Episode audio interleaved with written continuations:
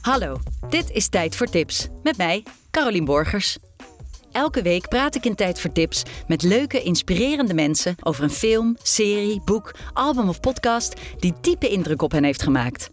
Laat je door deze podcast inspireren en ontdek de allermooiste parels. Tijd voor Tips is opgezet in samenwerking met de Mohi-app. De plek waar jij de allerbeste contenttips met je vrienden kan delen. In deze aflevering van Tijd voor Tips Julien Althuisjes, freelance journalist, auteur. Uh, je schrijft voor de Volkskrant. Um, je wilde vroeger Dennis Bergkamp, Jean-Claude Van Damme of een Backstreet Boy worden. Welkom, fijn dat je er bent. Dankjewel. Hoe zou je jouw smaak omschrijven? Waar, uh, wat vind jij mooi? Oeh, wat een lastige vraag. Meteen, hè? Ja, kunnen we dit, uh, kunnen we dit nog stoppen?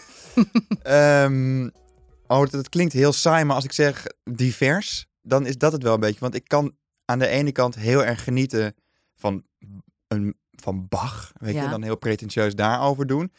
En tegelijkertijd um, uh, ook naar Hazes luisteren. Dus, dus, dus, dus, en dat, dat, datzelfde geldt ook voor, de, voor, voor televisieprogramma's of voor dingen die ik kijk. Ik vind bijvoorbeeld dat First Dates van BNN vind ik heel leuk. Daar kan ik heel graag naar kijken. En tegelijkertijd ja, vind, vind ik doorvrochte documentaires, zoals die serie over Afghanistan, die nu uh, die, die een tijdje geleden Wounded was. Land dat is, weet je, daar kan ik ook dus van genieten. Dus dat, dat, dat gaat eigenlijk alle kanten op. Ik ben niet één soort cultuurgebruiker. Maar kijk je dat first dates dan als een soort kitsch? Kijk je nee. daarnaar met een. Of, of, of zit je nee, er echt in? Echt je bent helemaal. Gemaakt. Ja, ah. Nee, omdat het zo eerlijk is en zo puur. Um, omdat die mensen zo echt zijn en omdat het zo herkenbaar is. Het gaat over iets heel puurs, namelijk liefde en onzekerheid. En hoe laat je jezelf zien. En ja, we kennen allemaal dat gevoel van die eerste date. Dus daarom is dat concept ook zo supergoed, omdat het simpel is. En het is absoluut geen guilty pleasure of zo. Ik vind het echt mm. heel erg goed gemaakte televisie. En kun jij onderscheid maken tussen hoogcultuur en laagcultuur? Of bestaat dat ook niet voor jou? Ja, nou, ik heb, ik heb bij, bij de Volkskrant had ik altijd een, uh, een chef die zei: uh, make good things popular and popular things good. Dus ik heb ook door hem geleerd om uh, bijvoorbeeld best wel kleine dingen of platte dingen uh, daar een soort van de schoonheid in te zien en daar ook naar te graven. Uh, en, en wat het dan ook uh, mooi maakt. En, en, en, en tegelijkertijd moet je juist grote dingen, moeilijke dingen, vind ik juist heel erg tastbaar maken. Bijvoorbeeld wat mijn collega Wieteke van Zeil ook doet, weet je, die mm -hmm. kan dat heel erg goed met, met, met kunst. Dus daar zit hem de, de, de truc in volgens mij. Om het, om, om, want cultuur is niet per se. Ik denk niet dat dat je voor alle lagen van de bevolking verschillende soorten cultuur moet hebben. Ik denk ook dat iemand van, om het zo te zeggen, laagste sociale klasse ook van klassieke muziek moet houden. Het is ook maar waar je aan blootgesteld wordt. On that note, wat heb jij uh, voor ons meegenomen? Waar stel je ons aan bloot? Welke twee dingen uh, zijn jouw, uh, jouw tijd voor tips, tips? Ik, heb het, ik heb het boek zelf niet meegenomen. Want als ik het boek had moeten meenemen hier naartoe op de half uur durende fietsrit, dan, dan was ik door mijn rug gegaan. Want het is een heel erg dik boek. En het is Atlas van een bezette stad van Bianca Stichter. Mm -hmm. Het is een een heel groot boekwerk met daarin hoe Amsterdam eruit zag tijdens de Tweede Wereldoorlog. Dus tijdens de Duitse bezetting van 40-45. Uh, met daarin heel erg veel mooie verhalen over wat er in Amsterdam gebeurde. Hoe de Duitsers binnenkwamen, hoe, dat, hoe die stad zich uh, ontwikkelde in die jaren. Maar ook, en dat vond ik zo ontzettend interessant. Want kijk, wij fietsen allemaal door de stad elke dag. En we staan nergens bij stil wat er achter die op bepaalde plekken is gebeurd. Kijk, we kennen allemaal wel het verhaal van dat op de Dam op 6 mei na de, na de bevrijding, of op 7 mei, met de goede, dat er daar Duitsers naar beneden schoten en alsnog een paar, hè, of een hele, heel veel Nederlanders daar om het leven kwamen als een soort wraakactie. Dus dat soort dingen weten we wel. Maar, we, maar, maar alle kleinere verhalen, ja kijk, ik woon al sinds 2004 in deze stad, dat is bijna 20 jaar. En ik weet nog steeds zo weinig van wat hier nou eigenlijk is gebeurd. En daarom is het boek zo mooi. Bianca Stichter is een NRC-journalist. Die heeft echt, het is een soort van levenswerk wat ze hier, hierin heeft gestopt. Ik zat het ook even door te bladeren voordat ik hier naartoe kwam om te kijken van... Ja, deze buurt waar wij nu zitten, we nemen dit op op de plantage Middelaar. Nou, daar is enorm veel gebeurd. Je hebt daar de, de, de schouwburg waar de uh, joden werden verzameld uh, en noem het maar op. En, ben je anders door de stad gaan fietsen toen je het boek had gelezen? Uh, op, op plekken waarvan ik wist wat er gebeurd was. Wel zoals bijvoorbeeld dat uh, je hebt achter Paradiso heb je dat afschuwelijke Max Eeuwplein zitten. Mhm. Dat was vroeger was dat, was dat de gevangenis. En dat, dat Max Eeuwplein was de luchtplaats. Daar is heel erg veel gebeurd ook in de oorlog. Ik voetbalde altijd een tijdje bij Swift in Amsterdam-Zuid. En dan kwam ik langs het, uh, eh, G- oh god, hoe heet dat college? Eh, die school Gerrit. ehm, hoe dan ook, ik ben die naam even kwijt van die Mhm. school. Want die school heette, in die tijd heette die anders. Maar die school, daar eh huisde de Sicherheidsdienst. En daar in die school, eh, naar, daar naartoe werden mensen ook opgepakt, afgevoerd. Of die, die niet per se afgevoerd, maar ook gewoon kinderen die op straat iets hadden gedaan, die daar dan naartoe werden gebracht, werden gestraft.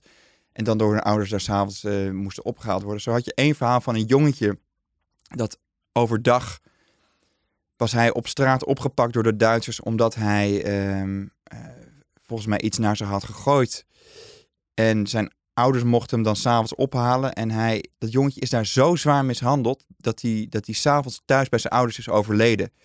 En dat soort verhalen, ja, dat, daar, daar denk je helemaal niet aan als je daar zo met je 25 jaar door de stad fietst. Maar moet je daaraan denken? Ja, ik vind van wel. Ik, vind, ik, ik weet niet of je daar moet. Ik denk dat het heel veel toevoegt aan, aan eh, als je de geschiedenis kent van de plek waar je leeft. Dat, je, dat het, het leert jou A. eh, ehm, de plek meer te waarderen. eh, en, en ook ehm, de schoonheid te zien van verandering en van, en van de vrijheid die je nu wel hebt. Kijk, op die voetbalvelden waar, waar ik voetba- voetbalde vroeger op het Olympiaplein. Ehm, daar verzamelden vroeger de Duitsers zich als ze een razzia's gingen houden. Ja, ik vind, denk dat ik dat toch wel had willen weten op het moment dat ik daar stond. Omdat het gewoon een soort extra verdieping geeft. En ik denk dat verdieping alleen maar goed is voor mensen. Ja, het is een, het is een heel dik boek, zeg je. hè? Heel en dat dik. boek ja. eh, telt ze huizen, eh, scholen, kantoren, cafés, hotels. Eh, het is ook heel overzichtelijk. Ze Ja. probeert eigenlijk de totale chaos die zo'n bezette stad Ja. is, terug te brengen tot het iets wat bijna tastbaar Ja. is.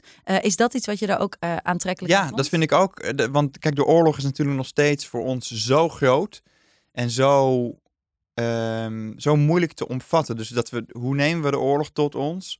Is in films en in documentaires en in verhalen zoals die van Anne Frank. Nou, dit boek is alleen maar dat. Het zijn alleen maar verhalen. Het, zijn, het zit hem in kaartjes die ze heeft gevonden van, van, van een, oude Duitse kaart van Amsterdam waarop staat waar de Joden woonden. Mhm. En eh, met stipjes en, en dat soort dingen. Die Eh, hangt ook in het Anne Frankhuis, volgens mij, ja, die kaart. precies. Ja. nou, en, en het brengt de oorlog heel erg tot leven. En ik denk dat dat heel erg belangrijk is, dat we dat blijven doen. Ik merk ook dat ik sinds ik kinderen heb veel gevoeliger ben voor al die verhalen uit, eh, uit de oorlog. Dus in zekere zin ja, houden kinderen die oorlog ook levend voor, voor, voor andere generaties. En ik denk ook dat, en ik vind ook dat het iets is wat mensen moeten blijven weten en blijven leren. Wat er hier helemaal nog niet zo lang geleden is gebeurd. Omdat het iets zegt over de, over de menselijke eh, staat, over, over wat mensen zijn en wat Over wie doen. en wat Ja. mensen zijn. Ehm, het lijkt me niet een heel vrolijk boek. Is het een salontafelboek? Moet je het op je, op je salontafel hebben? Moet je, het, moet je het vlak voordat je gaat slapen lezen? Nee, je moet het niet vlak voordat je gaat slapen lezen. Je moet het, je moet het niet ook eindeloos helemaal van A tot Z helemaal gaan Je moet het eh, af en toe af tot je toe nemen. Tot je nemen, ja. Eh, dan naar jouw volgende tip. Ehm, iets totaal anders, zou je zeggen. Een muziekdocumentaire, een registratie uit 2008. Ja, het is, het is een film van Martin Scorsese. En het is een film slash documentaire slash concertregistratie van, de, van een concert van de Rolling Stones in 2000. Volgens mij was dat... dat 2006. ja, 2006 in de Beacon Theater in New York. Ehm, Scorsese is een heel groot Stones-fan. Ik dacht weer aan deze documentaire omdat ik hem, toen die uitkwam in 2008, heb ik hem grijs gedraaid. Oh ja? Ja, ik heb hem echt vanaf het begin tot het einde eh, gekeken en weer terug en weer terug en weer terug.